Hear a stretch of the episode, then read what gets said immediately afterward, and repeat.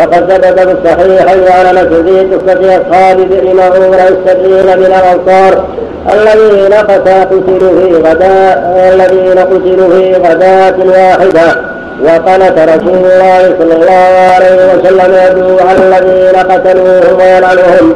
قال أنس ونزل فيه القرآن قرأناه حتى رفع. ان بلغوا أنا قومنا أنا قد لقينا ربنا فرضي عنا وأرضانا. ثم قال تعالى يستغفرون بنعمة من الله وفضل وأن الله لا يضيع أجر المؤمنين. قال محمد بن إسحاق استبشروا أن سروا ليلما عاينوا من وفاء الموعود وجزيل الثواب.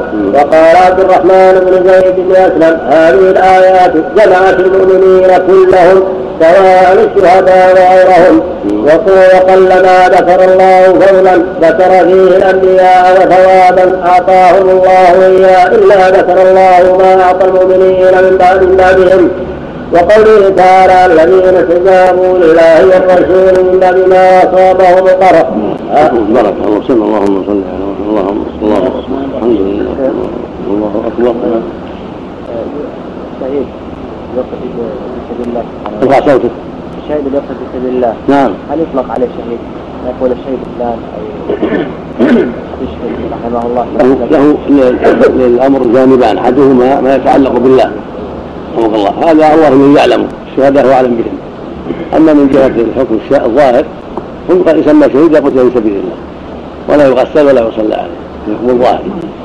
فالشهيد له جانبان جانب من جهة الله فهو الله يعلم سبحانه وتعالى. والجانب من جهة المخلوقين والقتل مع الناس في سبيل الله فهو لحكم الشهداء وغير شهيد. نقول شهيد يا شيخ شهيد لكن في الظاهر. أما الأمور الباطنه إلى الله سبحانه وتعالى. قد يكون شاهدا عندنا ولكن نيته الباطنه ما هو شهيد. يكون أراد الدنيا وأراد شيء آخر ما ما, ما أراد وجه الله. فلا يكون له حكم الشهداء في الجنة والاجر الذي يعطاه الشهداء. لكن في حكم الدنيا من قتل في سبيل الله فهو شهيد. نعم نعم. نعم. جاء فيهم عدة جمعهم المؤلف الحافظ الحجر في شرح شرحه على البخاري ذكر الروايات جاء فيهم عدة. جاء فيهم خمسة.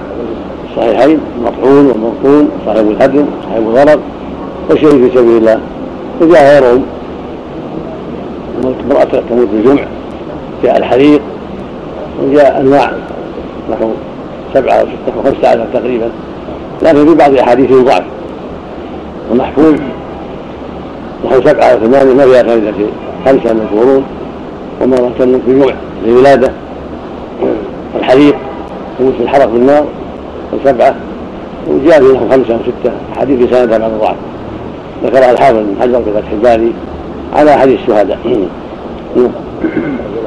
وهل الشهداء نعم الشهيد يحاسب بذنبه يغفر له كل شيء إلا إلا الدين نعم.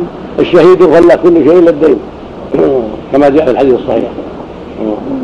الله شيخ حديث جابر بن عبد الله إن الله لم يكلم أحدا إلا أنه كلم اباه في صحته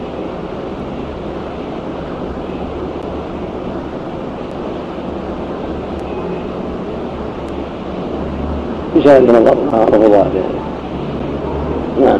تعرف مع الآية؟ لم يكن الله بكل الآية لكن خاص لو صح نعم.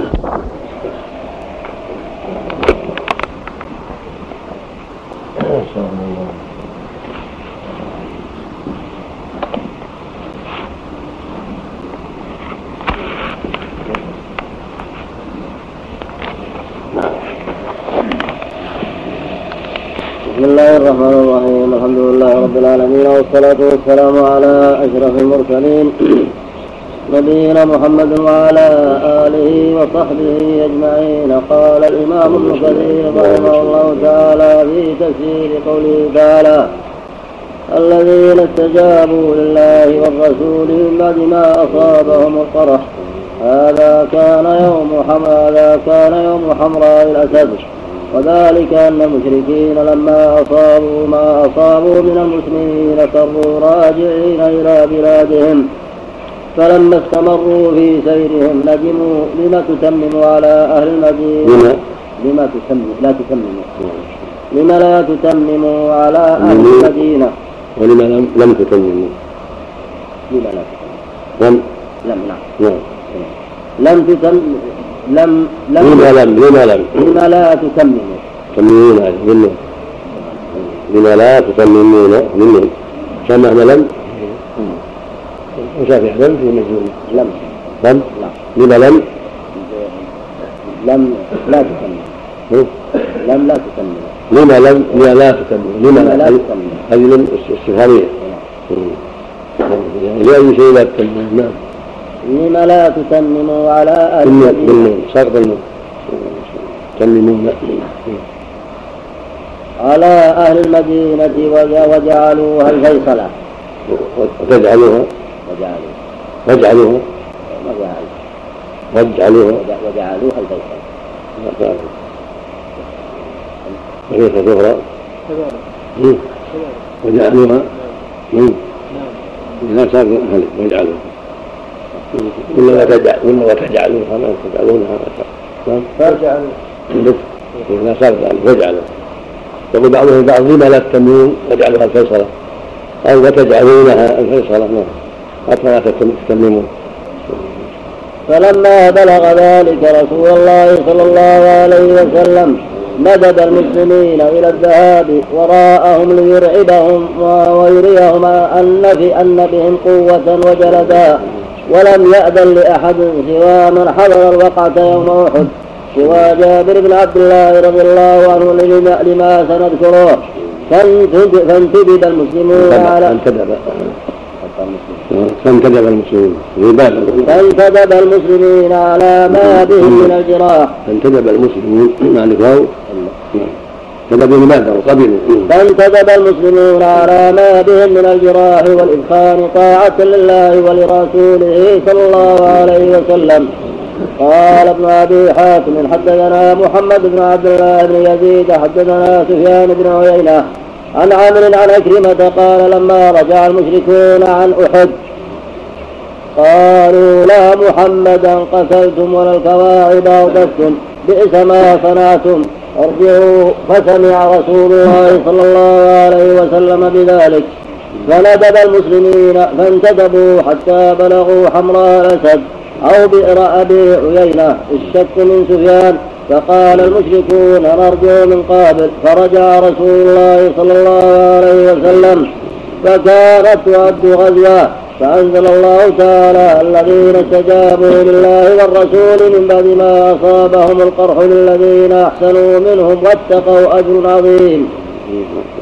وروى ابن مردوي من حديث محمد بن منصور عن سفيان بن عيينة عن عمرو عن عكرمة عن ابن عباس فذكره وقال محمد بن إسحاق كان يوم أحد يوم السبت النصف من شوال.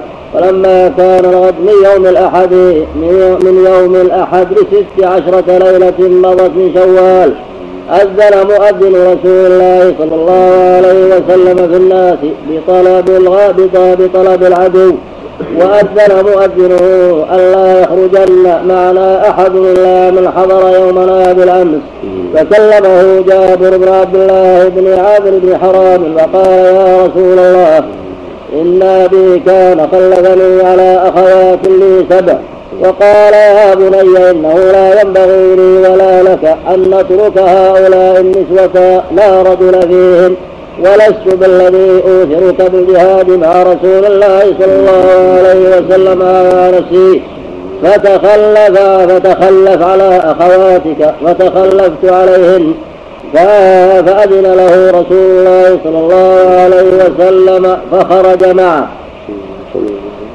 وإنما خرج رسول الله صلى الله عليه وسلم مذهبا للعدو وليبلغهم أنه خرج أنه خرج في طلبهم ليظنوا به قوة وأن الذي أصابهم لم يوهنهم لم يوهنهم عن عدوهم. قال محمد بن إسحاق فحدثني عبد الله بن خارجة بن زيد بن ثابت عن أبي السائب مولى عائشة بنت عثمان أن رجلا من أصحاب رسول الله صلى الله عليه وسلم من بني عبد الأسفل كان قد شهد أحدا قال شهدنا أحدا مع رسول الله صلى الله عليه وسلم أنا وأخي فرجعنا جريحين ولما أذن مؤذن رسول الله صلى الله عليه وسلم بالخروج في طلب العدو قلت لأخي أو قال لي أتفوتنا غزوة مع رسول الله صلى الله عليه وسلم؟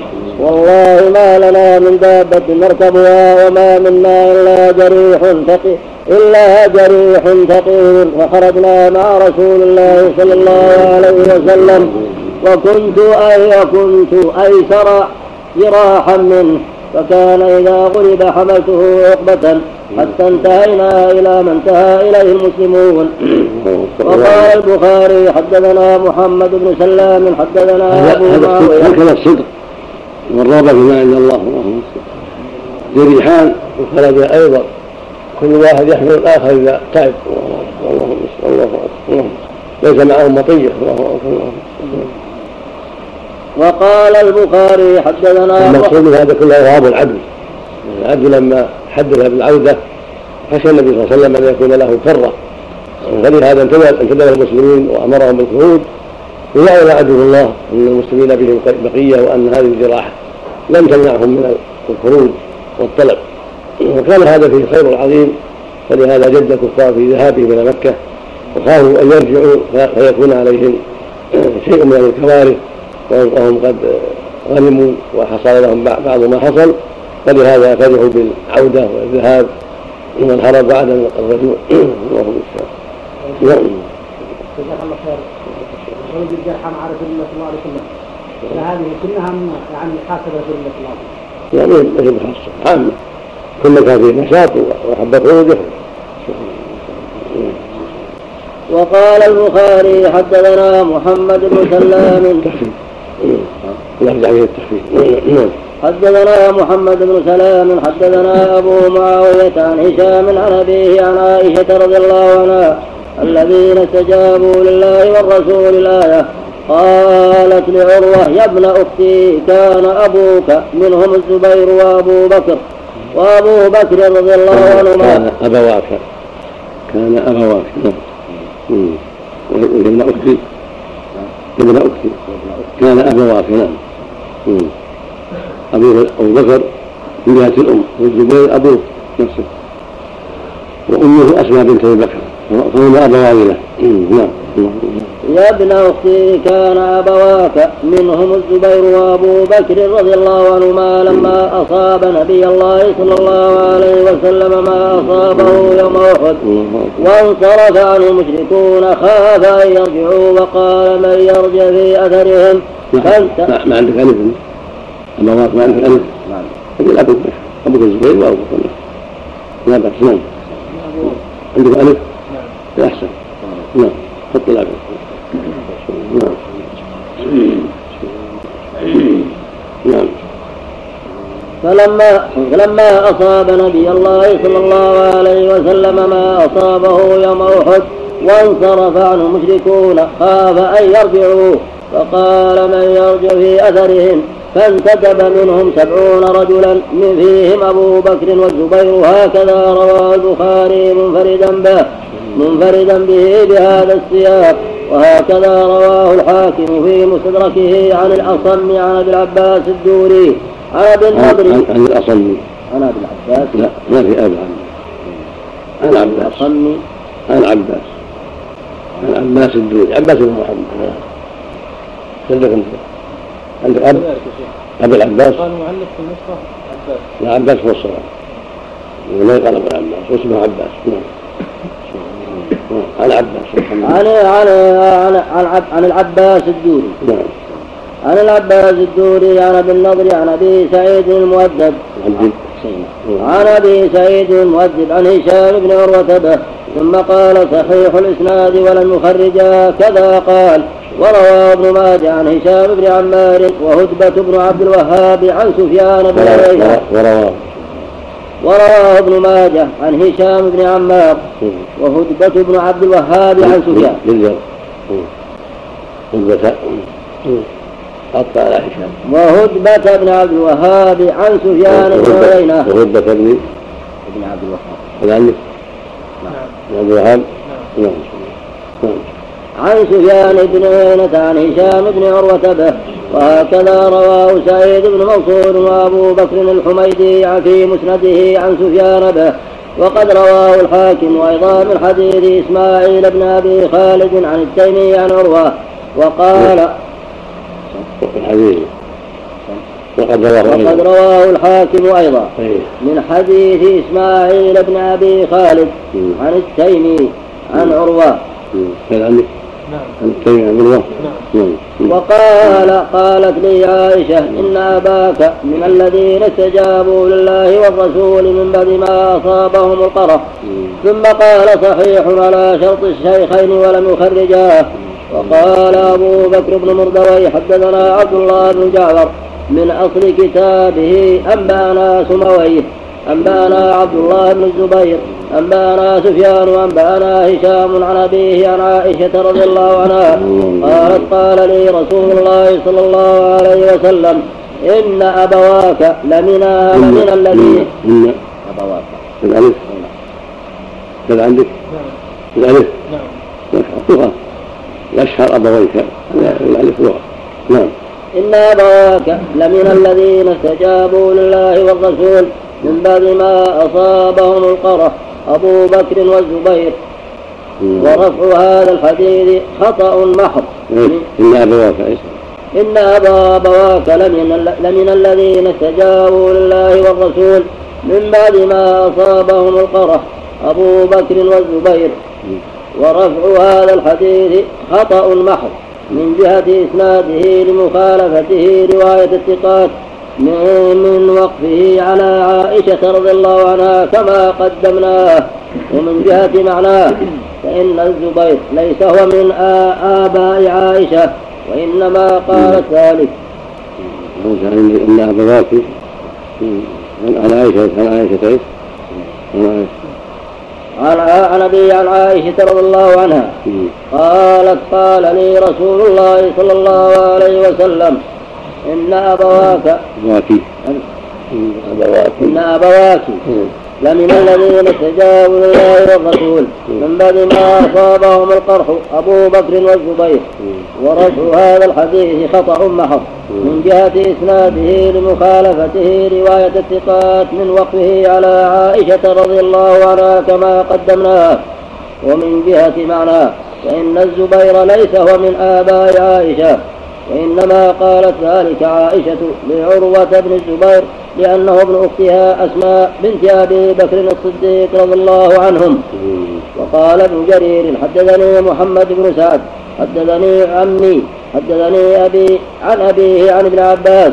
قال إن الله قذف في قلب أبي سفيان الرعب يوم أحد بعدما كان منه ما كان فرجع إلى مكة وقال النبي صلى الله عليه وسلم إن أبا سفيان قد أصاب منكم طرفا وقد رجع وقد قذف الله في قلبه الرعب وكانت وقعة أحد في شوال وكان التجار يقدمون المدينة في ذي القعدة فينزلون ببدر الصغرى في كل سنة مرة وإنهم قدموا بعد وقعة أحد وكان أصاب المؤمنين, المؤمنين القرح واشتكوا ذلك إلى النبي صلى الله عليه وسلم واشتد عليهم الذي أصابهم وأن رسول الله صلى الله عليه وسلم ندب الناس لينطلقوا معه ويتبعوا ما كانوا متبعين.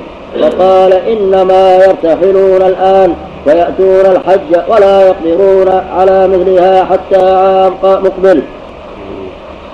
فجاء الشيطان يخوف أولياءه وقال إن الناس قد جمعوا لكم فأبى عليه الناس أن يتبعوه وقال إني ذاهب وإن لم يتبعني أحد وإن لم يتبعني أحد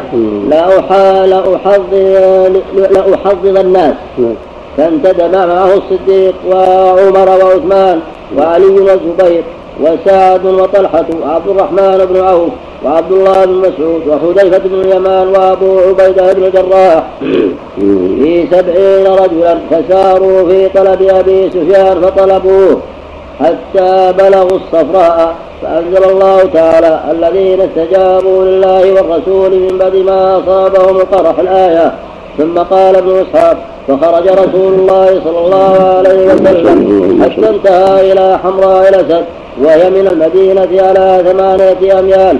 قال ابن هشام واستعمل على المدينة ابن أم مكتوم فأقام بها الاثنين والثلاثاء والأربعاء ثم رجع إلى المدينة. وقد مر به وقد مر به كما حدثني عبد الله بن أبي بكر معبد بن أبي معبد. الخزاعي وكانت خزاعة مسلمهم ومشركهم عيبة عيبة نصف. لرسول الله صلى الله عليه وسلم باتهامه. نعم. صفقتهم معه. نعم. لا لا يخفون عنه شيئا كان بها. نعم. ومعبد يومئذ كان مشركا.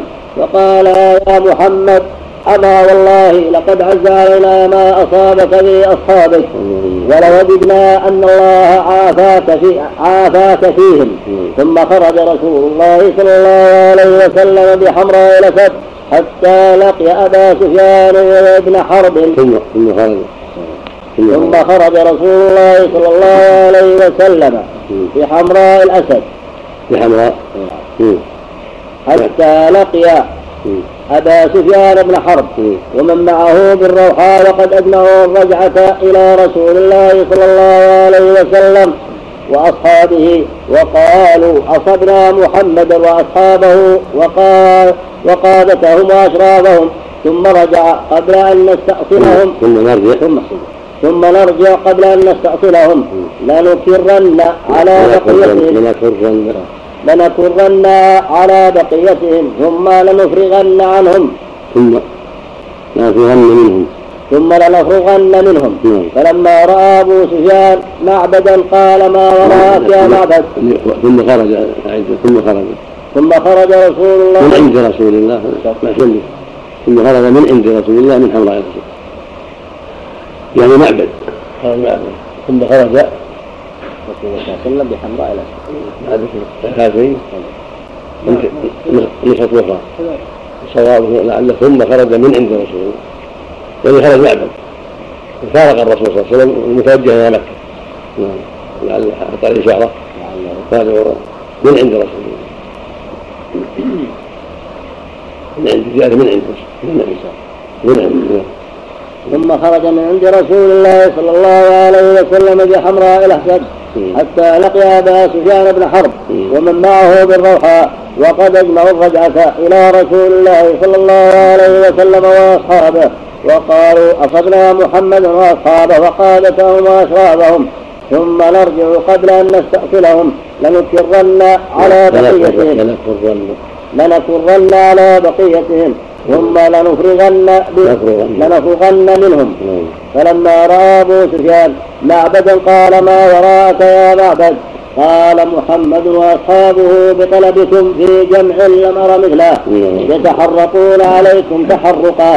قد اجتمع معه من كان تخلف عنه في يوم في يومكم وندموا على ما صنعوا. وهم من الحنق وهم من الحنق وهم من الحنق عليكم بشيء. لم أرى مثله قط. قال ويلك ما تقوله. قال والله ما أرى أن ترتحل حتى ترى نواصي الخيل قال والله لقد اجمع أجمعنا الكرة عليهم لنستأصل بقيتهم. قال فإني أنهاك عن ذلك. والله لقد حملني. ما رأيت على أن قلت فيهم أبياتا. أن قلت فيهم أبياتا من شعر. قال وما قلت؟ قال قلت كادت تهد من الأصوات راحلتي تهد كانت تهد من الأصوات راحلتي إن سالت الأرض بالجود الأبابيل. نعم. فتردى بأس كرام. إيه. تردى بأس كرام. نعم نعم. تردى بأس كرام لا تنابلة. عند اللقاء ولا ميل معازيل. ولا ميل ولا ميل معازيل وظلت أعدو أظن الأرض مائلة. لما سموا برئيس غير مخذول لما سموا. برئيس غير مخذول وقلت ويل ابن حرب من لقائكم. إذا تغطعت إذا تغطى إذا تغطعطت تغطمطت. تغططت. تغطمطت. تغطمطت. تغطمطت نعم. إذا تغطمطت البطحاء بالخيل إني نذير لأهل لأهل السيل راحية لكل ذي إربة منهم معقول من جيش أحمد لا واخشى تنابلة وليس يوصف ما أنذرت بالقيل. قال فثنى ذلك أبا سفيان ومن معه ومر به ركب من عبد القيس فقال أين تريدون؟ قالوا نريد المدينة. قال ولما؟ قالوا نريد الميرة قال فهل أنتم تبلغون عني محمدا رسالة أرسلكم بها إليه وأحمل إليكم. هذه غدا زبيبا لعكاظ إذا إذا وافيتمونا قالوا نعم. قال فإذا وافيتموه فأخبروه, فأخبروه أنه قد أنه قد أجمعنا أجمعنا المسير إليه وإلى أصحابه لنستأصل بقيتهم. فمر الركب برسول الله صلى الله عليه وسلم وهو بحمراء الأسد فأخبروه بالذي قال أبو سفيان وأصحابه فقالوا حسبنا الله ونعم الوكيل. وذكر ابن هشام عن أبي عبيدة قال قال وهذا ما قال تعالى الذي قال له الناس إن الناس قد جمعوا لكم فاخشوهم فزادهم ايمانا وقالوا حسبنا الله ونعم الوكيل. وذكر ابن هشام عن أبي عبيدة قال قال رسول الله صلى الله عليه وسلم حين بلغه رجوعهم والذي نفس بيده لقد سومت لهم. حجارة لو أصبحوا بها لكانوا كلمس الذاهب كأمس كأمس الذاهب الله المستعان. لو سوموا بها. الله لو سوموا بها. نعم. لقد سومت لهم حجارة لو. أصبحوا بها. لو. لقد سومت. لقد سومت لهم حجارة. لو. إيه. لقد لقد إيه عبادة لقد سومت لهم حجارة لو أصبحوا بها. هذا لو أصبحوا نعم كانوا كأمس الذهب أصبحوا بها بحذاء الأسد نعم. وقال الحسن البصري في قوله الذين استجابوا لله والرسول من بعد ما أصابهم القرح إن أبا سفيان وأصحابه أصابوا من المسلمين. وقال الحسن سم رحمه الله الله المستعان بسم الله الرحمن الرحيم الحمد لله رب العالمين. والصلاة والسلام. الله جل وعلا يبتلي عباده الأبرار بالأسرار ليرفع شأنهم ويعلي درجاتهم ويعظم أجورهم ويكثر سيئاتهم هكذا يفعل بعباده حتى يعظم أجرهم ويرتفع ذكرهم وحتى تكون لهم العاقبة وحتى يتأسى بهم من بعدهم الصبر على البلايا والمحن. هكذا سنته في عباده. يمتحن أولياءه بأعدائه ثم تكون العاقبة لأوليائه كما جرى يوم أحد وكما جرى يوم الأحزاب ثم صارت العاقبة للمؤمنين. ولم يغزو جيش المشركين بعد ذلك بل غزاهم صلى الله عليه وسلم بعد ذلك وفتح الله عليه وانتهى أمرهم. اللهم المستعان نعم ما جاء نعم.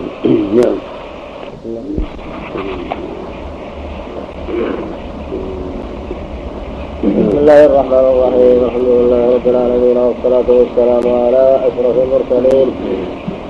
نبينا محمد وعلى آله وصحبه أجمعين قال الإمام ابن كثير رحمه الله تعالى وقال الحسن البصري في قوله الذين استجابوا لله والرسول من بعد ما أصابهم القرح.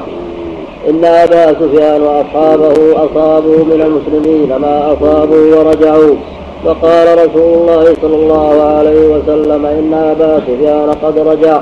وقد قذف الله في قلبه الرعب فمن ينتدب في طلبه وقام النبي صلى الله عليه وسلم وقام النبي صلى الله عليه وسلم وأبو بكر وعمر وعثمان وعلي وناس من أصحاب رسول الله صلى الله عليه وسلم فتبعوهم فبلغ أبا سفيان أن النبي صلى الله عليه وسلم يطلبه فلقي عيرا من التجار وقال ردوا محمدا ولكم من الجول كذا وكذا وأخبروهم أني قد جمعت وأخبروهم أني قد جمعت جموعا وأني راجع إليهم وأني راجع إليهم فجاء التجار وأخبروا رسول الله صلى الله عليه وسلم بذلك. وقال النبي صلى الله عليه وسلم حسبنا الله ونعم الوكيل. فأنزل الله هذه الآية وهكذا قال عكرمة وقتادة وغير واحد إن هذا السياق نزل في شأن غزو حمراء الأسد وقيل نزل في بدر الموعد والصحيح الأول. وقوله تعالى الذين قال لهم الناس إن الناس قد جمعوا لكم فاخشوهم فزادهم إيمانا الآيات أي الذين توعدهم الناس بالجموع وخوفوهم بكثرة الأعداء وما فما اكترثوا لذلك بل توكلوا على الله واستعانوا به. وقالوا حسبنا الله ونعم الوكيل. وقال البخاري حدثنا أحمد بن يونس قال أراه قال حدثنا أبو بكر عن أبي حصين عن أبي الضحى عن ابن عباس حسبنا الله ونعم الوكيل قالها إبراهيم عليه السلام حين القي في النار وقالها محمد صلى الله عليه وسلم حين قال لهم الناس إن الناس قد جمعوا لكم فاخشوهم فزادهم إيمانا وقالوا حسبنا الله ونعم الوكيل. وقد رواه النسائي عن محمد بن إسماعيل بن إبراهيم وهارون بن عبد الله كلاهما عن يحيى بن أبي بكر عن أبي بكر. كلاهما عن يحيى بن أبي بكر عن أبي بكر وهو ابن عياش به. عندكم يحيى بن أبي بكر؟ يحيى بن أبي بكر. نعم. نعم ابي بكر نعم. عن ابن أبي بكير عن أبي بكر وهو ابن عياش به نعم. والعجب أن الحاكم أبا عبد الله رواه من حديث أحمد بن يونس به. ثم قال صحيح الإسناد على شرط الشيخين ولم يخرجاه. ثم رواه البخاري عن أبي غسان مالك بن إسماعيل عن إسرائيل عن أبي حصين عن ابي الضحى عن ابن عباس قال كان كان ثم رواه ثم رواه البخاري عن أبي غسان مالك بن إسماعيل عن إسرائيل وهو أبي حصين. عن ابي الضحى عن إسرائيل. عن إسرائيل عن أبي حصين عن أبي الضحى عن ابن عباس. قال كان آخر قول إبراهيم عليه السلام حين ألقي في النار. حسبنا الله ونعم الوكيل. وقال عبد الرزاق قال ابن عيينة وأخبرني زكريا عن الشعبي عن عبد الله بن عمرو وقال هي كلمة إبراهيم عليه السلام حين ألقي في النار رواه ابن جرير. وقال أبو بكر بن مردويه حدثنا محمد بن معمر حدثنا إبراهيم بن موسى الثوري حدثنا عبد الرحيم بن محمد بن زياد. حدثنا عبد عبد الرحيم بن محمد ابن زياد السكري أنبأنا أبو بكر بن عياش عن حميد الطويل عن أنس بن مالك. وأخبرني زكريا وقال أبو بكر بن مردوي حدثنا محمد بن معمر حدثنا إبراهيم بن موسى الثوري. حدثنا عبد الرحمن عبد الرحيم بن محمد بن زياد السكري حدثنا أبو بكر بن عياش عن حميد بن الطويل عن أنس بن مالك عن النبي صلى الله عليه وسلم أنه قيل له يوم أحد إن الناس قد جمعوا لكم فاخشوهم فأنزل الله هذه الايات وروى بسنده عن أيضا بسنده عن محمد بن عبد الله الرافعي. عن أبيه عن جده أبي رافع أن النبي صلى الله عليه وسلم وجه عليا في نفر معه في طلب أبي سفيان أبي سفيان. فلقيهم أعرابي من خزاعة فقال إن القوم قد جمعوا لكم فقالوا حسبنا الله ونعم الوكيل. فنزلت فيهم هذه الآية ثم قال ابن مردوي حدثنا دعلج بن أحمد حدثنا الحسن بن سفيان أنبانا أبو خيثمة بن مصعب. ابن سعد أنبانا موسى بن أيهل. عن الأعمش عن أبي صالح قال ابن مردوي حدثنا دعلج بن أحمد. حدثنا الحسن بن سفيان. أنبأنا أبو خيثمة بن مصعب. مصعب. بن بن مصعب. أبو خيثمة بن مصعب. مصعب بن سعيد.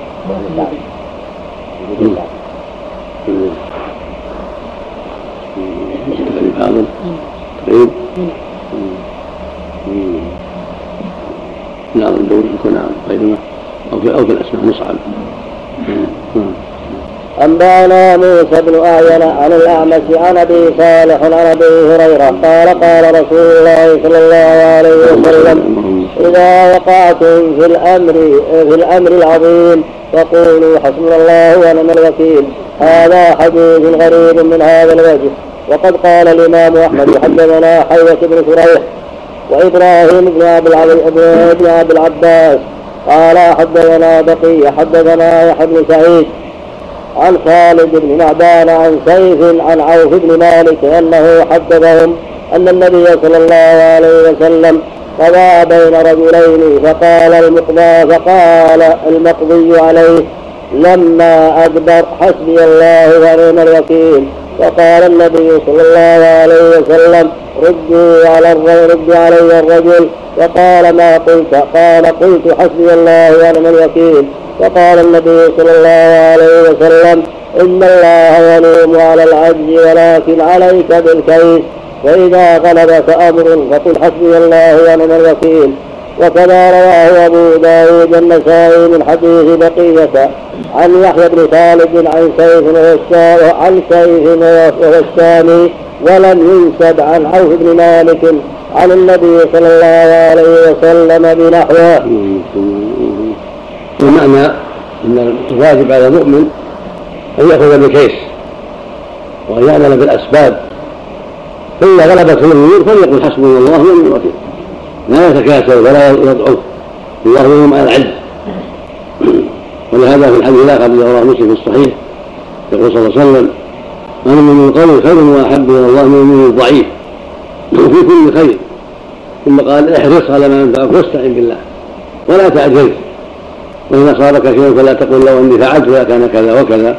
ولكن قل قدر الله وما شاء فعل. فالأجر مؤمن بالأسباب فإذا غلبه أمر لا طاقة له ولا حيلة له فيه فإنه حينئذ يقول حسبنا الله ونعم الوكيل. إنا لله وإنا إليه راجعون قدر الله ما شاء فعل. وأما يتساهل ويتعاطى العجز والكسل والضعف ولا يأخذ بالأسباب فلا ينفعه قول حسبنا الله ونعم الوكيل. لأنه مفرط ومضيع فلا يليق به هذا. لكن يليق هذا بمن أخذ بالأسباب ثم قال حسبنا الله ونعم الوكيل. لأن الأمر لله جل وعلا.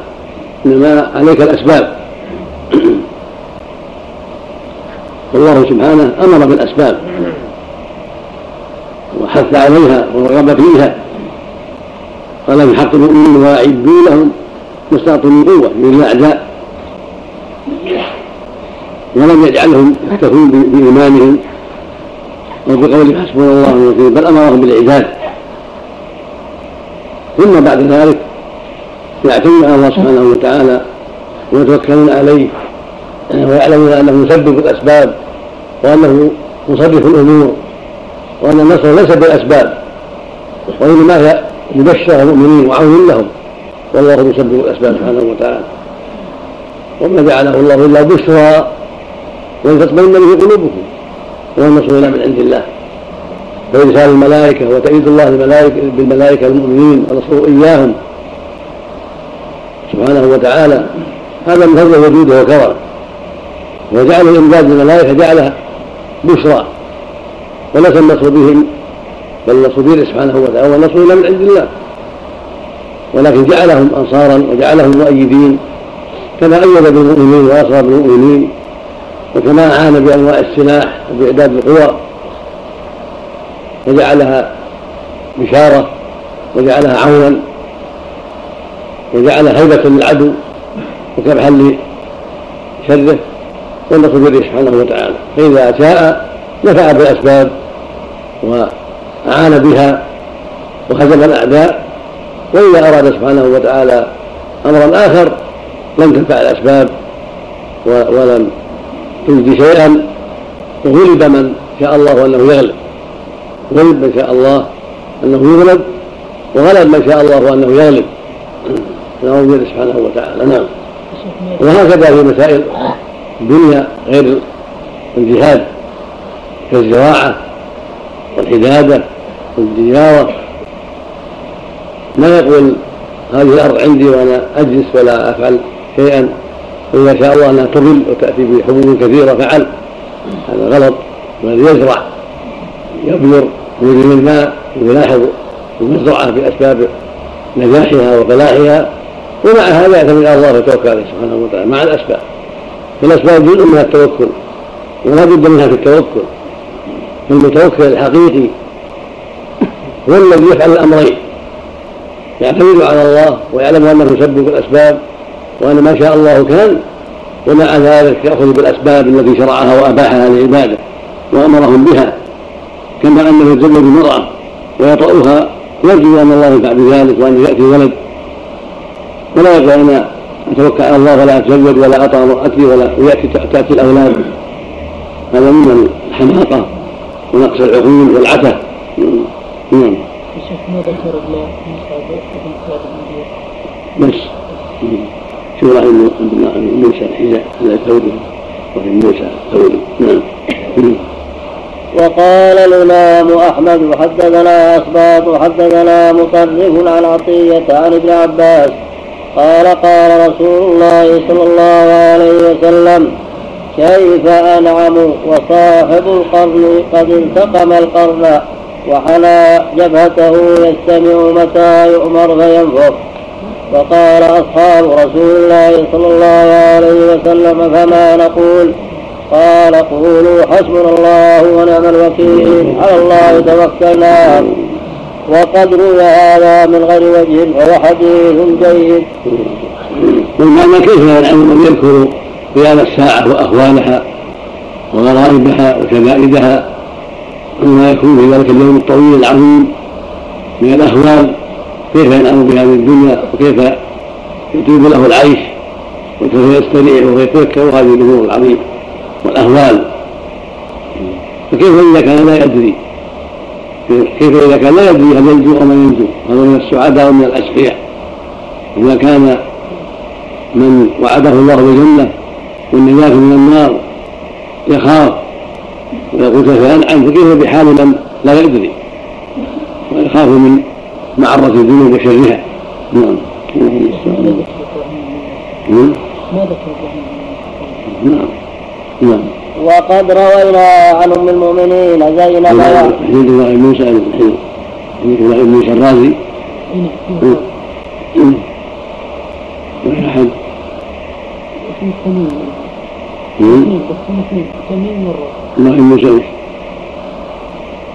الله موسى الرازي نعم إبراهيم بن موسى بن جميل بن زين الأموي. ربما نسب إلى جده صدوق من الثانية عشر النسائي. النسائي. إبراهيم بن موسى بن جميل بن جيل الأموي. ربما نسب إلى جده إبراهيم بن موسى بن يزيد التميمي.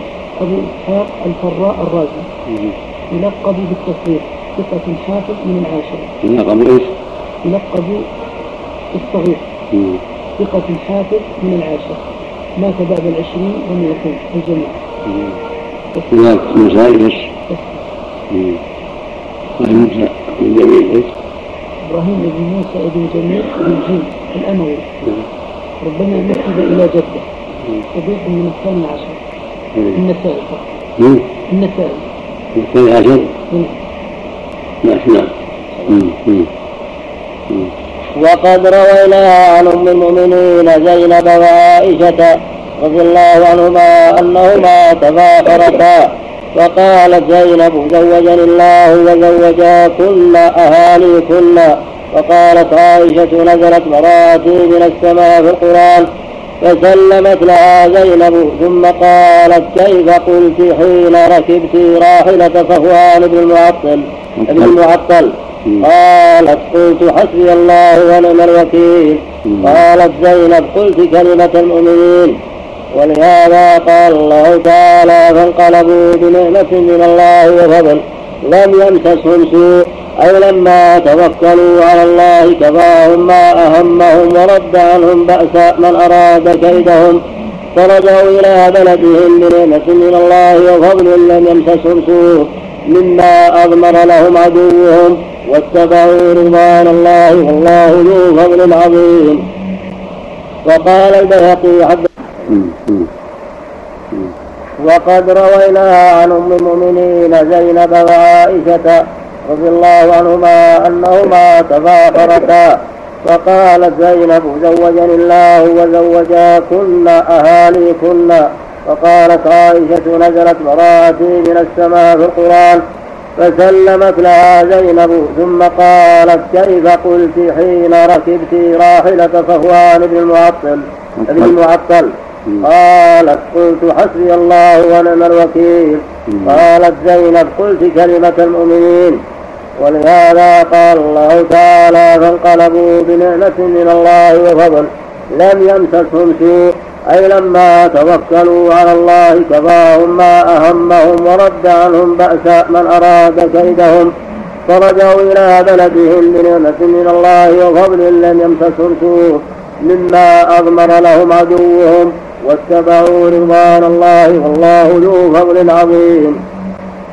وقال البيهقي حدثنا أبو عبد الله الحافظ حدثنا أبو بكر داوود الزاهد حدثنا محمد بن نعيم حدثنا بشر بن الحاكم حدثنا بشر بن الحكم حدثنا مبشر بن عبد الله بن رزين حدثنا سفيان بن بن حسين عن يعلى بن ابن مسلم عن عكرمة عن ابن عباس في قوله في قول الله تعالى فانقلبوا بنعمة من الله وفضل قال النعمة أنهم سلموا والفضل أن عيرا مرت في أيام الموسم فاشتراها رسول الله صلى الله عليه وسلم فربح فيها مالا فقسمه بين أصحابه. وقال ابن أبي نجيح عن مجاهد في قول الله تعالى الذين قال لهم الناس إن الناس قد جمعوا لكم فاخشوهم.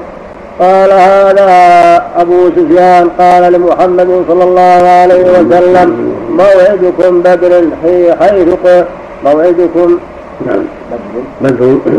بدر حيث حيث قتلتم أصحابنا. موعدكم بدر حيث قتلتم أصحابنا. وقال محمد صلى الله عليه وسلم عسى فانطلق رسول الله صلى الله عليه وسلم لموعده حتى نزل بدرا. فوافقوا السوق فيها فأشاعوا فذلك قول الله عز وجل. فانقلبوا بنعمة من الله وفضل لم يمسسهم سوء الآية.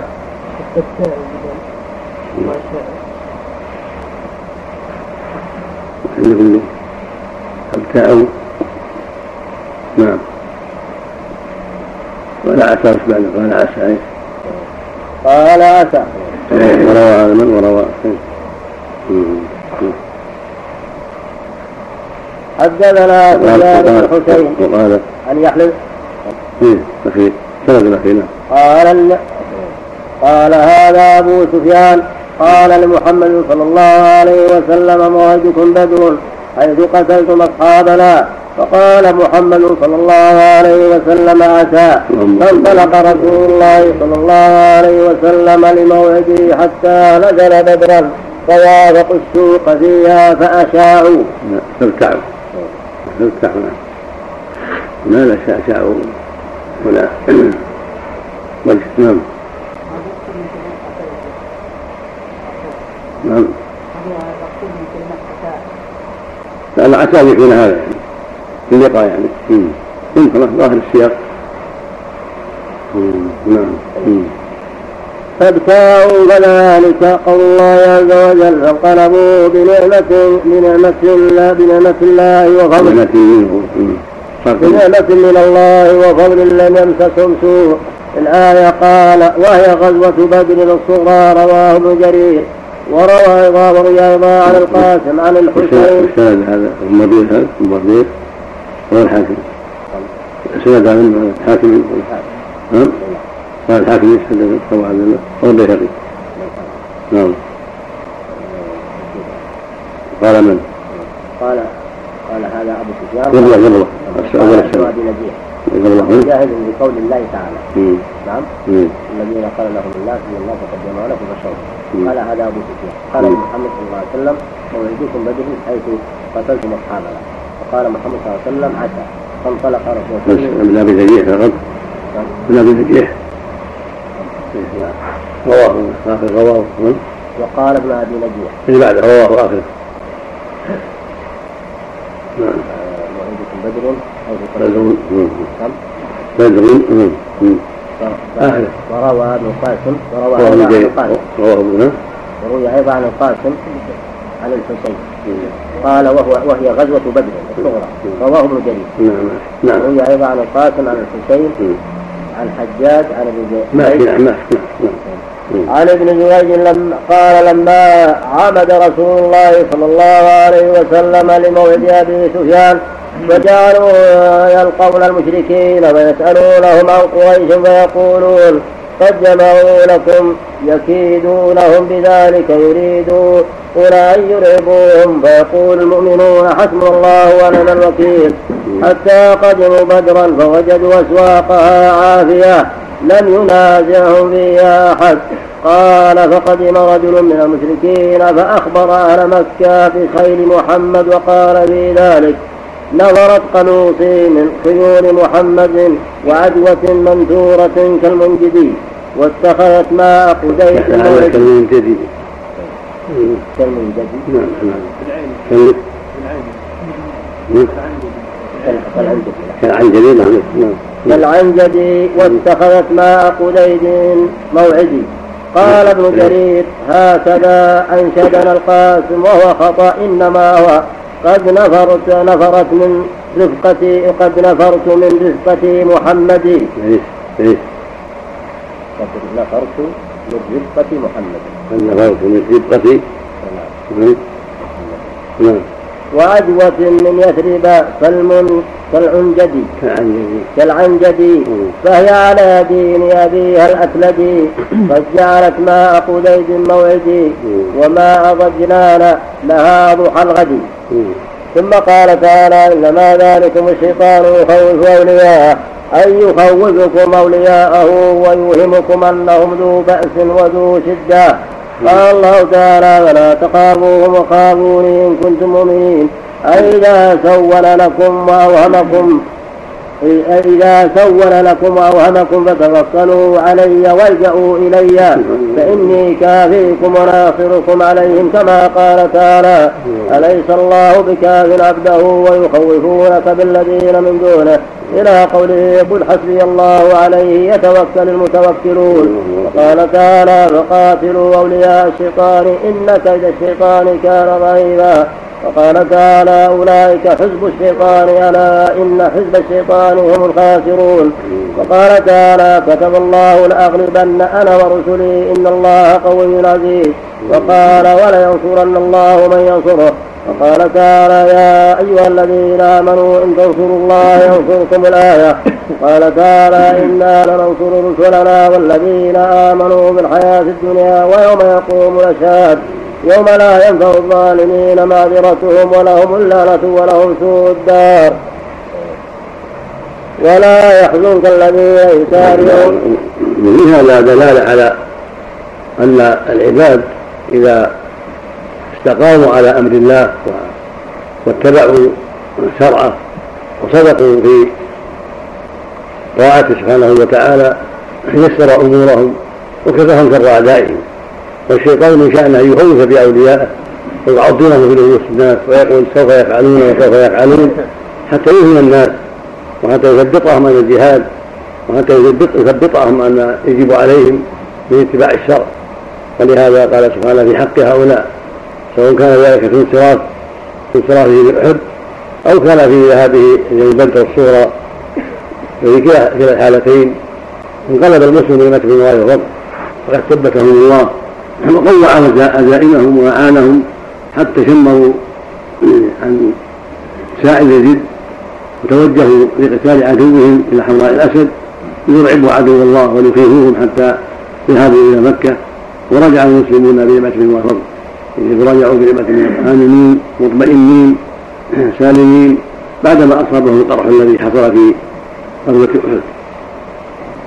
وإن كان في غزوة بدر فهم جاءوا يعني الصورة الأخيرة فهم جاءوا إلى الموعد. ولم يتأخروا ولم ينكروا ولم يضعفوا. ولكن ضعفوا فدعوا الله وتأخروا ولم يأتوا.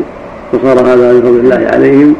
والمسلمون حين جاءوا إلى بدر وفيها أسواقها ابتاعوا واشتروا وحصل لهم بذلك من الخيرات والفضل ما حصل وحصلت السمعة الحسنة والخبر الذي اشتهر بين الناس لأنهم جاءوا لقتال عدوهم وعدوهم تأخر وخاف ووجد ولم يفي بما وعد فكان هذا في حق الرسول وأصحابه سمعة سمعة حسنة وأخبار سارة للمؤمنين وضارة للكافرين وأما قوله جل وعلا إنما ذلكم الشيطان يخوف أولياءه فالمعنى أن الشيطان يخوف عباد الله أولياء الشيطان. يخوف أولياءه يخوفكم أولياءه يعظمهم بصدوركم ويقول لكم إنهم أقوياء وإنهم كيت وكيت حتى يخافهم أهل الإيمان وحتى ينكلوا وحتى يتأخروا عن الجهاد والمصادمة لعدوهم والمقابلة لعدوهم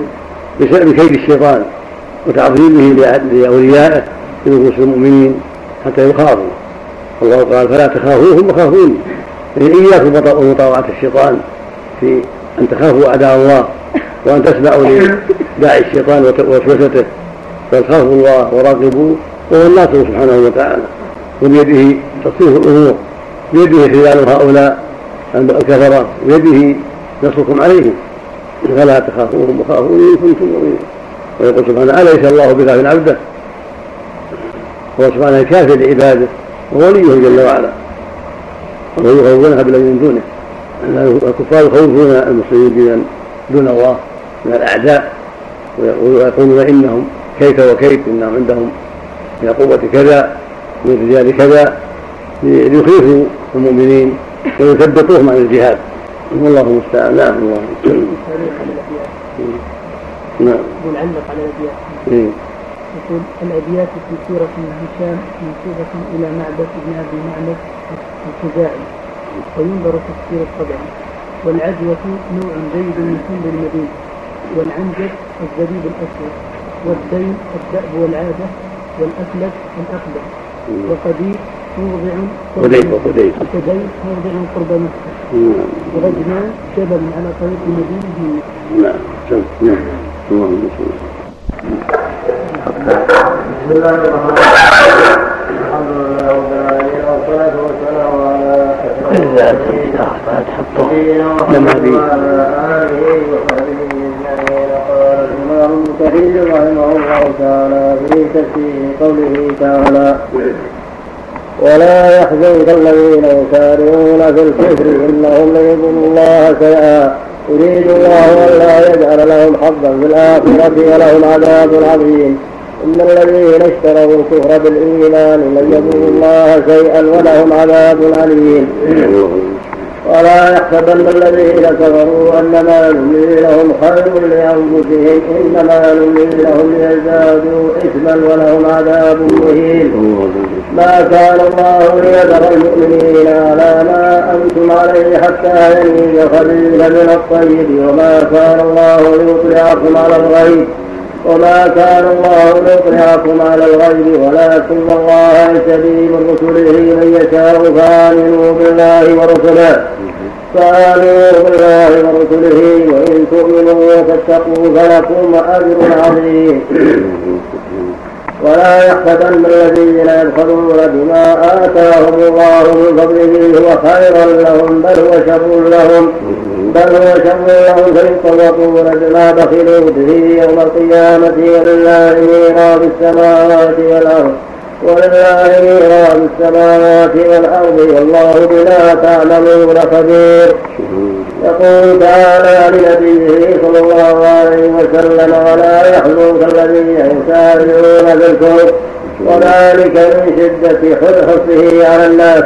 كان يحزنه مبادرة الكفار إلى المخالفة. كان يحزنه مبادرة الكفار إلى المخالفة والعناد والشقاق وقال تعالى لا يحزنك ذلك. إنهم لن يضروا الله شيئا يريد الله أن لا يجعل لهم حظا من الآخرة. أي حكمته فيهم أنه يريد بمشيئته وقدرته ألا يجعل لهم نصيبا في الآخرة. ولهم عذاب عظيم ثم قال تعالى مخبرا عن ذلك إخبارا مقررا. إن الذين اشتروا الكفر بالإيمان أي استبدلوا هذا بهذا لن يضروا الله شيئا. أي ولكن يظلمون أنفسهم ولهم عذاب أليم. ثم قال تعالى ولا يحسبن الذين كفروا أنما نملي لهم خير لأنفسهم إنما نملي لهم ليزدادوا إثما. ليزدادوا إثما ولهم عذاب مهين. فقط قوله يحسبون أن ما نمدهم به من مال وبنين نسارع نسارع لهم بالخيرات بل لا يشعرون.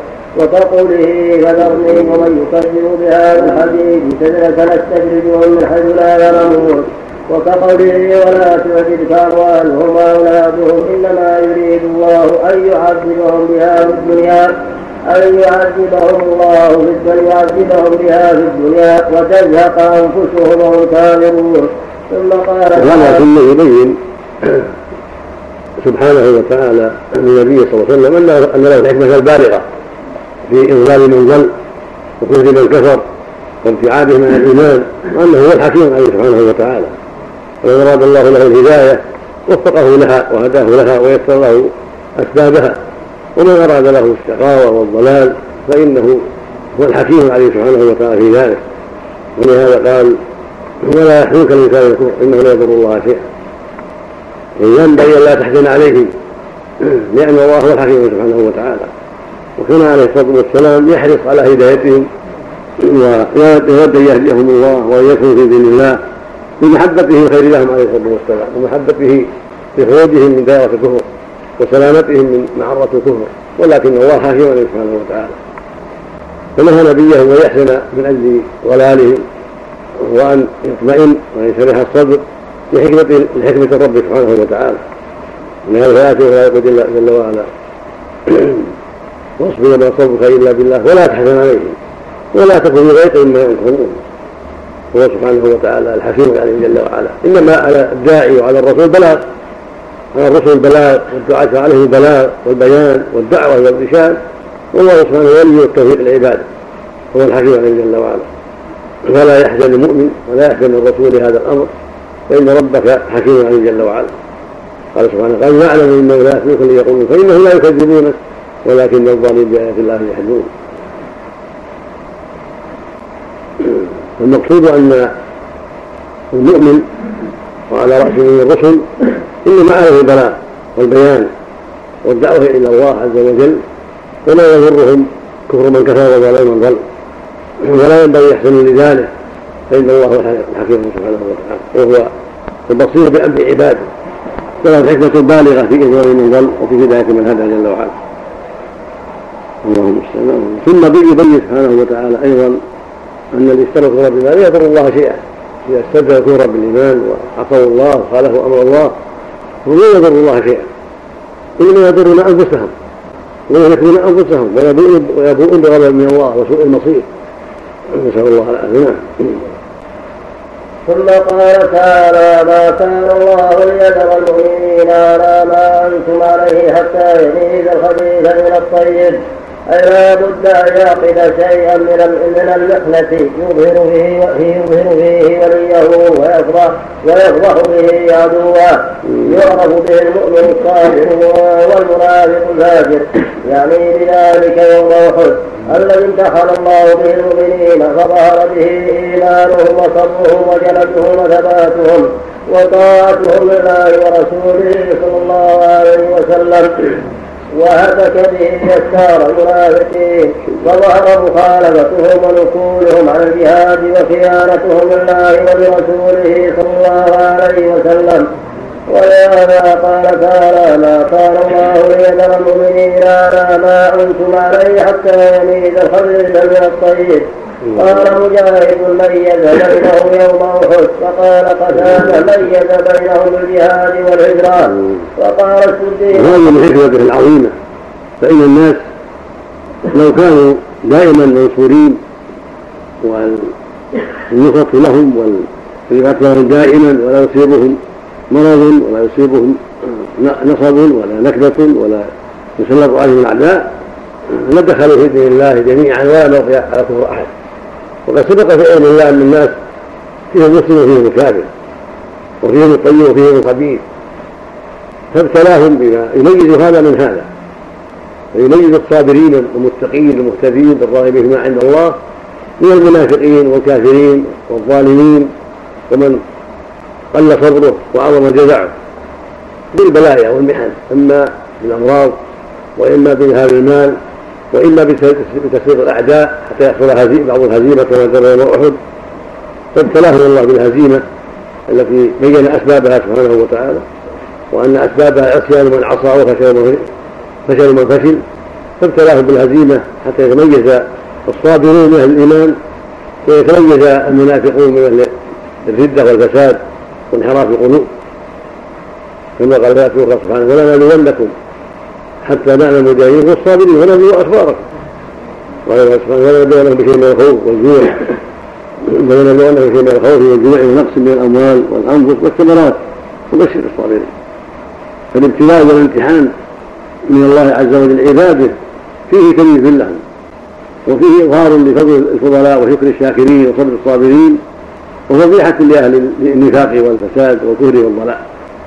فالمؤمن يتحمل ويصبر ويلين كمال إيمانه وصبره على الحق. والكافر المنافق يبين فساده وانحرافه وما في قلبه من الشر والفساد. نعم. اللهم استغفر وقال السدي قالوا إن كان محمد صادقا فليخبرنا عمن يؤمن به منا ومن يكفر به.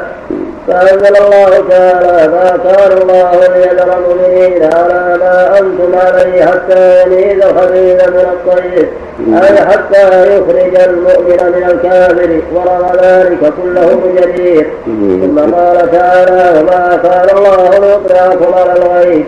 أي أنتم لا تعلمون أن الله في خلقه حتى يميز لكم المؤمن من المنافق لولا ما يقظه من الأسباب الكاذبة عن ذلك. حتى حتى حتى يميز لكم.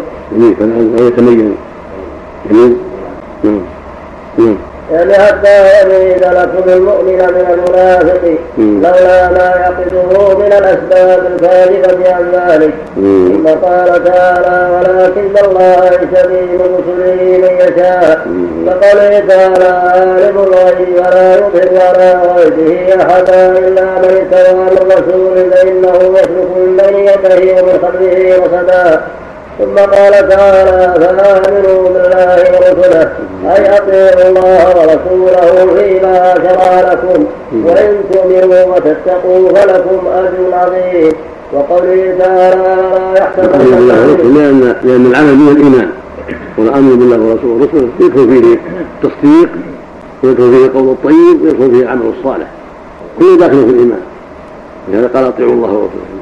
المعنى آمنوا بالله ورسوله إيمانا يتضمن طاعة الأوامر وترك النواهي والقول الحق والانكفاف عما لا يجوز مع ثبات القلب وصبره وخوفه ورجائه ومحبته ونحو ذلك. فالإيمان يشمل هذا كله. يعني أن الله يبتلي عباده فعلى المؤمن عند البلايا أن يصبر وأن يؤمن وذلك بطاعة الله ورسوله والوقوف عند حدود الله ورسوله. وكيف عما حرم الله ورسوله؟ هذا هو النتيجة الصحيحة المستقيمة الإيمانية لأهل الإيمان؟ لا يزيدهم البلاء إلا ثباتا بالحق ونصرا للحق ومجاهدة في سبيل الحق وبعدا عن الباطل بعلمه بأن الله يبتلي عباده بالسراء والضراء ثم تكون العاقبة لأهل الإيمان. كما قال سبحانه ألف لام أحسب الناس أن يتركوا أن يقولوا آمنا وهم لا يفتنون وهم لا يمتحنون فلا بد من الامتحان. كما فتن من قبله. نعم. وقوله تعالى ولا يحسبن الذين يبخلون بما آتاهم الله من فضله هو خيرا لهم بل هو شر لهم. أي لا يحسبن البخيل أن جمعه المال ينفعه بل هو مضرة عليه في دينه. وربما كان في دنياه ثم أخبر بمآل أمر ماله يوم القيامة. فقال فيطوقون ما بخلوا به يوم القيامة قال البخاري حدثنا عبد الله بن منير حدثنا عبد الله بن منير سمع هذا النظر البخاري له شيخ قال عبد الله بن منير وهنا واحد كأخ له حواشي على البخاري قال عبد الله بن منير بالتشريف المتأخر صاحب الحاشية يقال ابن منير وأما شيخه هو عبد الله بن منير بالتخفيف صيغه اسم الفاعل حدثنا عبد الله بن منير سمع ابا النضر. حدثنا عبد الرحمن هو ابن عبد الله بن دينار عن ابيه عن ابي صالح عن ابي هريره قال قال رسول الله صلى الله عليه وسلم من أتاه الله مالا فلم يؤت زكاته مثل له شجاع اقرا له زبيبتان يطوقه يوم القيامة. يطوقه يوم القيامة يأخذ برهزمتيه يعني بصدقه يقول أنا مالك أنا كنزك ثم تلا هذه الآية ولا يحسبن الذين يبخلون بما آتاهم الله من فضله وخيرا لهم بل وشر لهم إلى آخر الآية. تفرد به البخاري دون مسلم من هذا الوجه وقد رواه ابن حبان هذا الشجاع الاقرع يعني الحيه العظيم الثعبان العظيم الذي قد ذهب شعر رأسه من شدة سمه وخبث سمه. نسأل الله العافية. نسأل الله العافية. وقد رواه ابن حبان في صحيحه من طريق الليث بن عن محمد بن عجلان عن قال بن حكيم عن ابي صالح حديث آخر قال الإمام أحمد حدثنا حجين بن مثنى حدثنا عبد العزيز بن عبد الله بن أبي سلمة عن عبد الله بن دينار عن عبد الله بن دينار عن ابن عمر عن النبي صلى الله عليه وسلم قال إن الذي لا يؤدي زكاه ماله يمثل ويمثل له ماله يوم القيامة شجاع الاقرع له زبيبتان ثم يلزمه بطوقه يطوقه يطوقه يقول أنا مالك أنا كنزك وهكذا رواه النسائي على الفضل بن سهل. على الفضل بن سهل عن النضر هاشم بن القاسم عن عبد العزيز بن عبد الله بن أبي سلمة به. ثم قال النسائي وروايه عبد العزيز عن عبد الله بن دينار عن ابن عمر أثبت عن ابن عمر أثبت من رواية عبد الرحمن ابيه عن عبد الله بن دينار العربي صالح ابي هريرة. قلت ولا منافاه بين الروايتين فقد يكون عند عبد الله بن دينار من الوجهين والله أعلم. وقد ساقه وهذا يبين سوء عاقبة البخل وأن عاقبة البخل بخيمة وأن من بخل بالمال ولم يؤدي الحقوق التي عليه من الزكاة وغيرها ندم يوم القيامة غايه الندامه وصار ماله عذابا عليه يوم القيامة. وصار يصور هذا المال ويجعل هذا المال شجاع أقرع.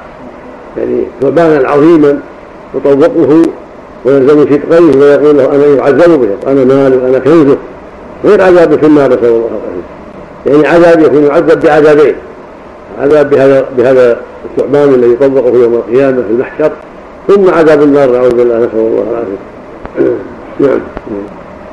وقد ساقه الحافظ أبو بكر بن مرتضي من غير وجه عن أبي صالح عن أبي هريرة ومن حديث محمد بن حميد عن زياد الخطمي عن أبي هريرة به حديث آخر قال الإمام أحمد حدثنا سفيان عن جابر.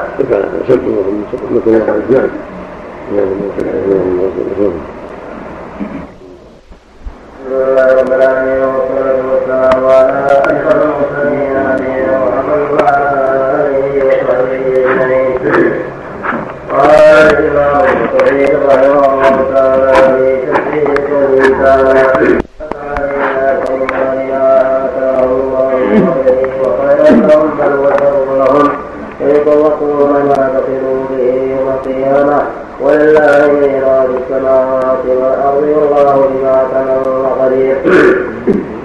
قال الإمام أحمد حدثنا سفيان عن جامع عن أبي وائل عن عبد الله عن النبي صلى الله عليه وسلم قال ما من عبد لا يؤدي زكاة ماله إلا جعل له شجاع أقرع يتبعه يفر منه ويتبعه ويقول أنا كذبك ثم قرأ عبد الله ثم قرأ الله مصداقه من كتاب الله يطوقون ما نزلوا به يوم القيامة.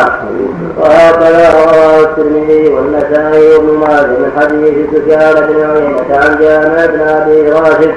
زاد الترمذي وعبد الملك بن أعين كلاهما عن أبي وائل شقيق بن سلمة. عن عبد الله بن مسعود به وقال الترمذي حسن صحيح وقد رواه الحاكم في مستدركه من حديث أبي بكر بن عياش وسفيان الثوري كلاهما عن أبي إسحاق السبيعي عن أبي واحد عن ابن مسعود به ورواه جرير من غير وجه عن ابن مسعود موقوفا. حديث آخر. وهذا يدل على عوض عقوبة من بخل بالحق الذي عليه. ولم يؤدي زكاة ماله ولم يؤدي الحقوق التي عليه في المال. فإن هذا المال يعيب به صاحبه يوم القيامة كما قال جل وعلا والذين يكرمون الذهب والفضة ولا ينفقونها في سبيل الله فبشرهم بعذاب أليم. يوم يحمى عليها في نار جهنم فتكوى بها جباههم وجنوبهم وظهورهم. هذا ما كنتم لأنفسكم فذوقوا ما كنتم تكذبون. فالمال الذي لا تؤدى حقوقه من زكاة وغيرها يعذب به صاحبه يوم القيامة نعوذ بالله. وهذا العذاب يتكرر ويستمر في يوم كان مقداره خمسين ألف سنة. ثم لا سبيله بعد ذلك إما إلى الجنة وإما إلى النار. وفي هذه الأحاديث الأخرى الدلالة على نوع آخر من العذاب وأنهم كما أنهم يعذبون يوم القيامة في النار ويحمى عليهم ويكون بهذا المال هو أيضا يمثل لهم شجاع أقرع يمثل هذا المال لهم شجاع أقرع له زبيبتان يأخذ بصدقي الرجل من صاحب المال ويقول أنا مالك أنا كنزك وكان الشجاع هو الحية الثعبان العظيم الحية العظيمة التي قد ذهب شعر رأسها من شدة سنها وكبر وطول عمرها. نسأل الله السلامة. المقصود أنه نوع آخر من العذاب لمن بخل بما أعطاه الله. ولهذا قال عز وجل ولا يحسبون يبخلون بما آتاهم الله فهو خير لهم بل هو شر لهم سيطوقون ما بخلوا به يوم القيامة. جاء طوقا في العنق مع التعذيب به والكي به مع تمثيل بهذا الشجاع الأقرع نسأل الله العافية. نعم. حديث آخر قال الحافظ أبو يعلى حدثنا أمية بن بسطام حدثنا يزيد بن زبير حدثنا سعيد عن قتادة عن سالم بن أبي عن معدان بن أبي طلحة. عن ثوبان عن النبي صلى الله عليه وسلم قال من ترك بعده كنزا مبتلاه شجاعا أقرع له جريبتان يتبعه ويقول من أنت؟ ويلك? ويقول أنا كنزك الذي خلفت بعدك فلا يزال حتى يلقمه يده ويقلمها ثم يتبع سائر جسده إسناده جيد قوي ولن يخرجوه وقد رواه الطبراني عن جرير عبد الله البدني ورواه جرير بن من حديث بن حكيم عن ابيه عن جده عن النبي صلى الله عليه وسلم قال لا يأتي الرجل مولاه فيسأله من فضل ماله عنده فيمنعه إياه إلا بينه يوم القيامة جاء يتلمظ قوله الذي منع لفظ جرير وقال ابن جرير حدثنا ابن المثنى حدثنا عبد على حدثنا داود عن أبي قتادة عن رجل عن النبي صلى الله عليه وسلم قال ما من ذي رحم يأتي إلى رحمه رحمه ويسأله فيسأله من فضله من فضل جعله الله عنده فيدخل به عليه إلا خرج له من جهنم شجاع يتلمر حتى يطوقه ثم رواه ثم حتى يطوقه ثم رواه من طريق أخرى عن ابي قزعه عن ابي قزعه واسمه حجر بن بيان. واسمه حجر بن بيان. عندك؟ مصغر. نحاول نعم. واسمه حجر بن واسمه حجر بن ضياف بن بيان عن ابي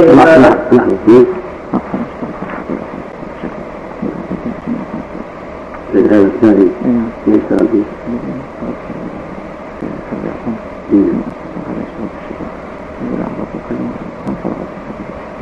جميل يصلح الدعوة البيت يصلح الواحد يقابل يدل البيت يصلح صلاح الساعة عشرة لا هم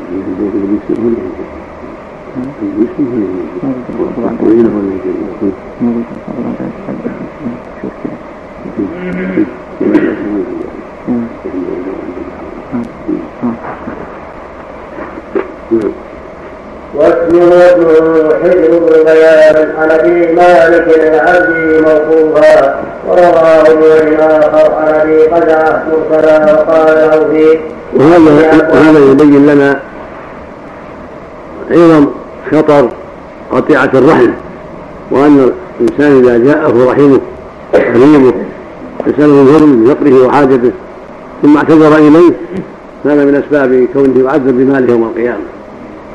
قال عليه الصلاة والسلام في الحديث الصحيح لا يدخل الجنة قاطع رحم. قطيعة الرحم من أقبح السيئات ومن الكبائر. والله أمر بالإحسان القرابات وصلة القرابة. وحذر من قطيعتها. يقول عز وجل فهل عسيتم إن توليتم أن تفسدوا الأرض وتقطعوا أرحامكم؟ أولئك الذين لعنهم الله فأصمهم وأعمى أبصارهم. فالواجب على القريب المؤسر أن يحسن إلى قريبه المؤسر وأن يواسيه من ماله ويحسن إليه من زكاة أو غيرها وأن لا يدعه يدعه في حاجة وهو مؤسر. هذه الصلة هذه صلة الرحم الذي أوجبها الله أن تواسيه من مالك وتحسن إليه مما أعطاك الله. نعم. نعم. نعم. ماذا ذكره أبو قتادة أبو قتادة في تعريفه في المخطوطة حجر منظر تفسير الصدر وليس أبو قزعة كنية الحجية إنما هي كنية وينظر الجرح راجع شوي يمكن غلط في التسمية نعم. يشمل هذا وهذا يشمل هذا وهذا عليه يواسع مما يستر الله من الزكاة أو من غير الزكاة وقال عنه في ابن عباس نزلت في أهل الكتاب الذي يبطل بما في ايديهم من الكتب. نعم. الشجاع يطلع عليه ولو كان ولو كان من صدقه أو يقصد الزكاه. الحقوق تشمل الزكاة وتشمل الحقوق الأخرى حق المال يختص بالزكاة يشمل الزكاة ويشمل حق الضيف ويشمل حق القريب وحق الزوجة وحق الأولاد حق المضطر. نعم. حقوق المال كثيرة غير الزكاة. نعم. نعم. نعم نعم. هذه فيها من شرط الأقرب ما دام عنده قدرة وعند عنده السعة والقدرة حسب ما أعطاه. الله إنما أن الواجب يتفاوت. ما كان الأقرب صار أشد في الدين نعم. قال هذا قال النبي صلى الله عليه وسلم ثم الاقرب فالأقرب. لكن هذا في حق الإعشار. كان ما عنده إلا ما يكفي الأقرب بدأ به قبل الابعد لكن عنده يسر يعم الأقرب وغير الأقرب. لكن عنده سعة من المال إذا قصر ذاك لا يقصر هذا. كذلك له حق إذا كان مجهول أو معروف بالحاجة. أما إذا كان سائل يتشبع أو يطلب زيادة وعنده مال ما له حق. إذا كان ما يزعج ما في وفي أموال حق معلوم للسائل والمحروم. السائل السائل أقسام ثلاثة. قسم يعرف أنه غني هذا يزجر ويقدر. قسم مجهول الحال يعطى ما تيسر. قسم معروف بأنه فقير يعطى كذلك حقه. أكد نعم. طيب المحروم المحروم. المحروم فقير. نعم. اللي عنده مال ولا؟ المحروم الفقير ما عنده مال حريم المال.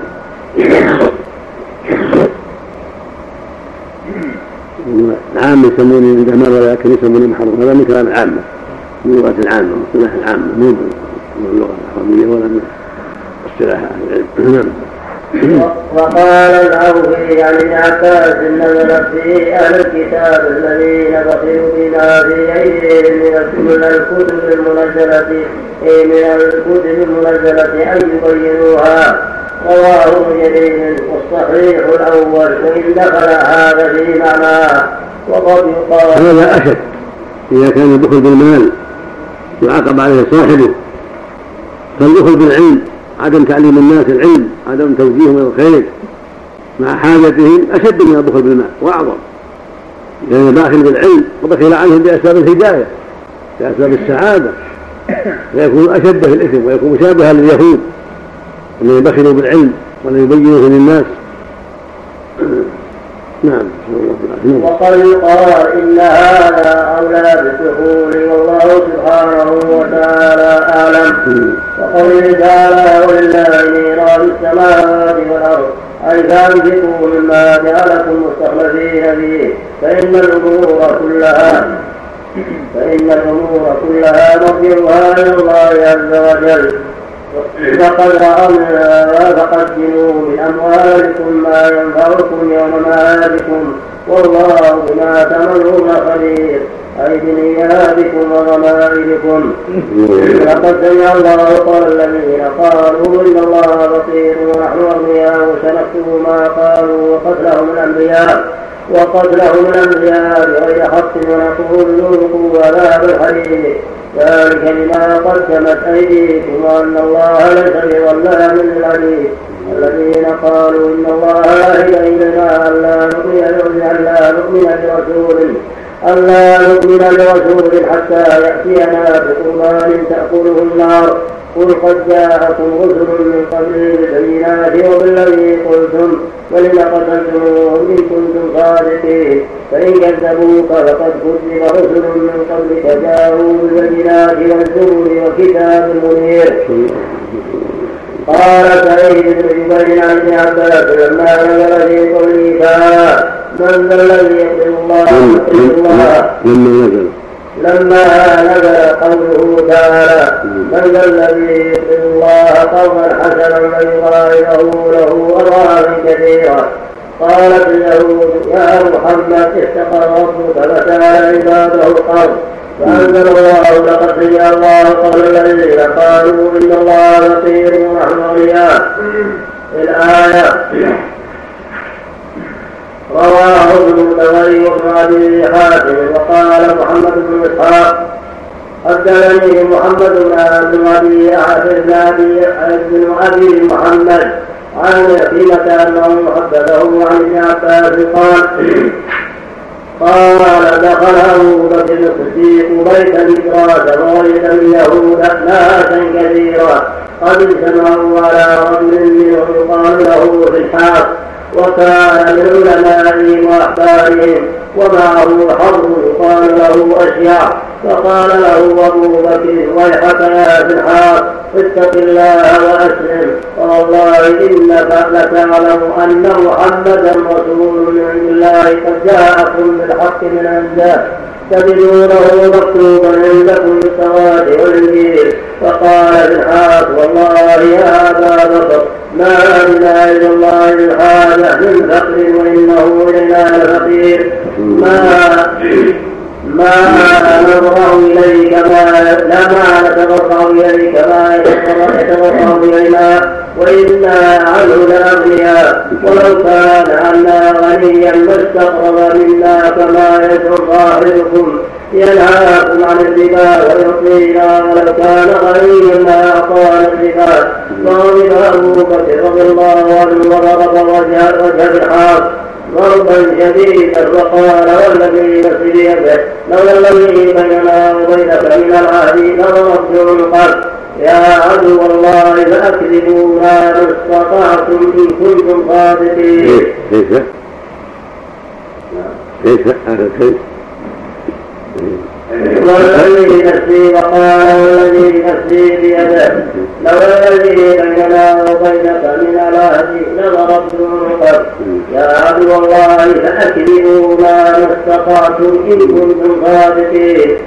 فذهب الحاق إلى رسول الله صلى الله عليه وسلم فقال يا محمد أبصر ما صنع بساحرك فقال رسول الله صلى الله عليه وسلم ما حملك على ما صنعت يا أبا بكر فقال يا رسول الله نعم والله قال قولا عظيما يزعم ان الله فقير وانهم عنه اغنياء يزعم ان الله فقير وانهم عنه اغنياء فلما قال ذلك رضيت بالله بما قال فضربت وجهه فجحد سحاق ذلك وقال ما قلت ذلك فانزل الله لي ما قال الحال لقد سمع الله قول الذين قالوا إن الله فقير ونحن اغنياء رواه ابو حاتم وقوله سنكتب ما قالوا ياتيه ووعيد ولهذا رواه ابو حاتم كذلك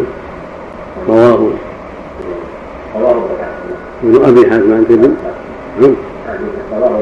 ابن صلح كان العادة أبو حاتم يزاد فيه أبو حاتم ابن ابن ابي حاتم وهذا من جهل اليهود وظلمهم وشدة كفرهم فانهم يعلمون أن الله الغني وانه الفقراء ويعلمون أنه سبحانه خالقهم ورازقهم سبحانه وتعالى ويعلمون أنه حين قال من ذا الذي الله قرضا حسنا لكن ليس مراده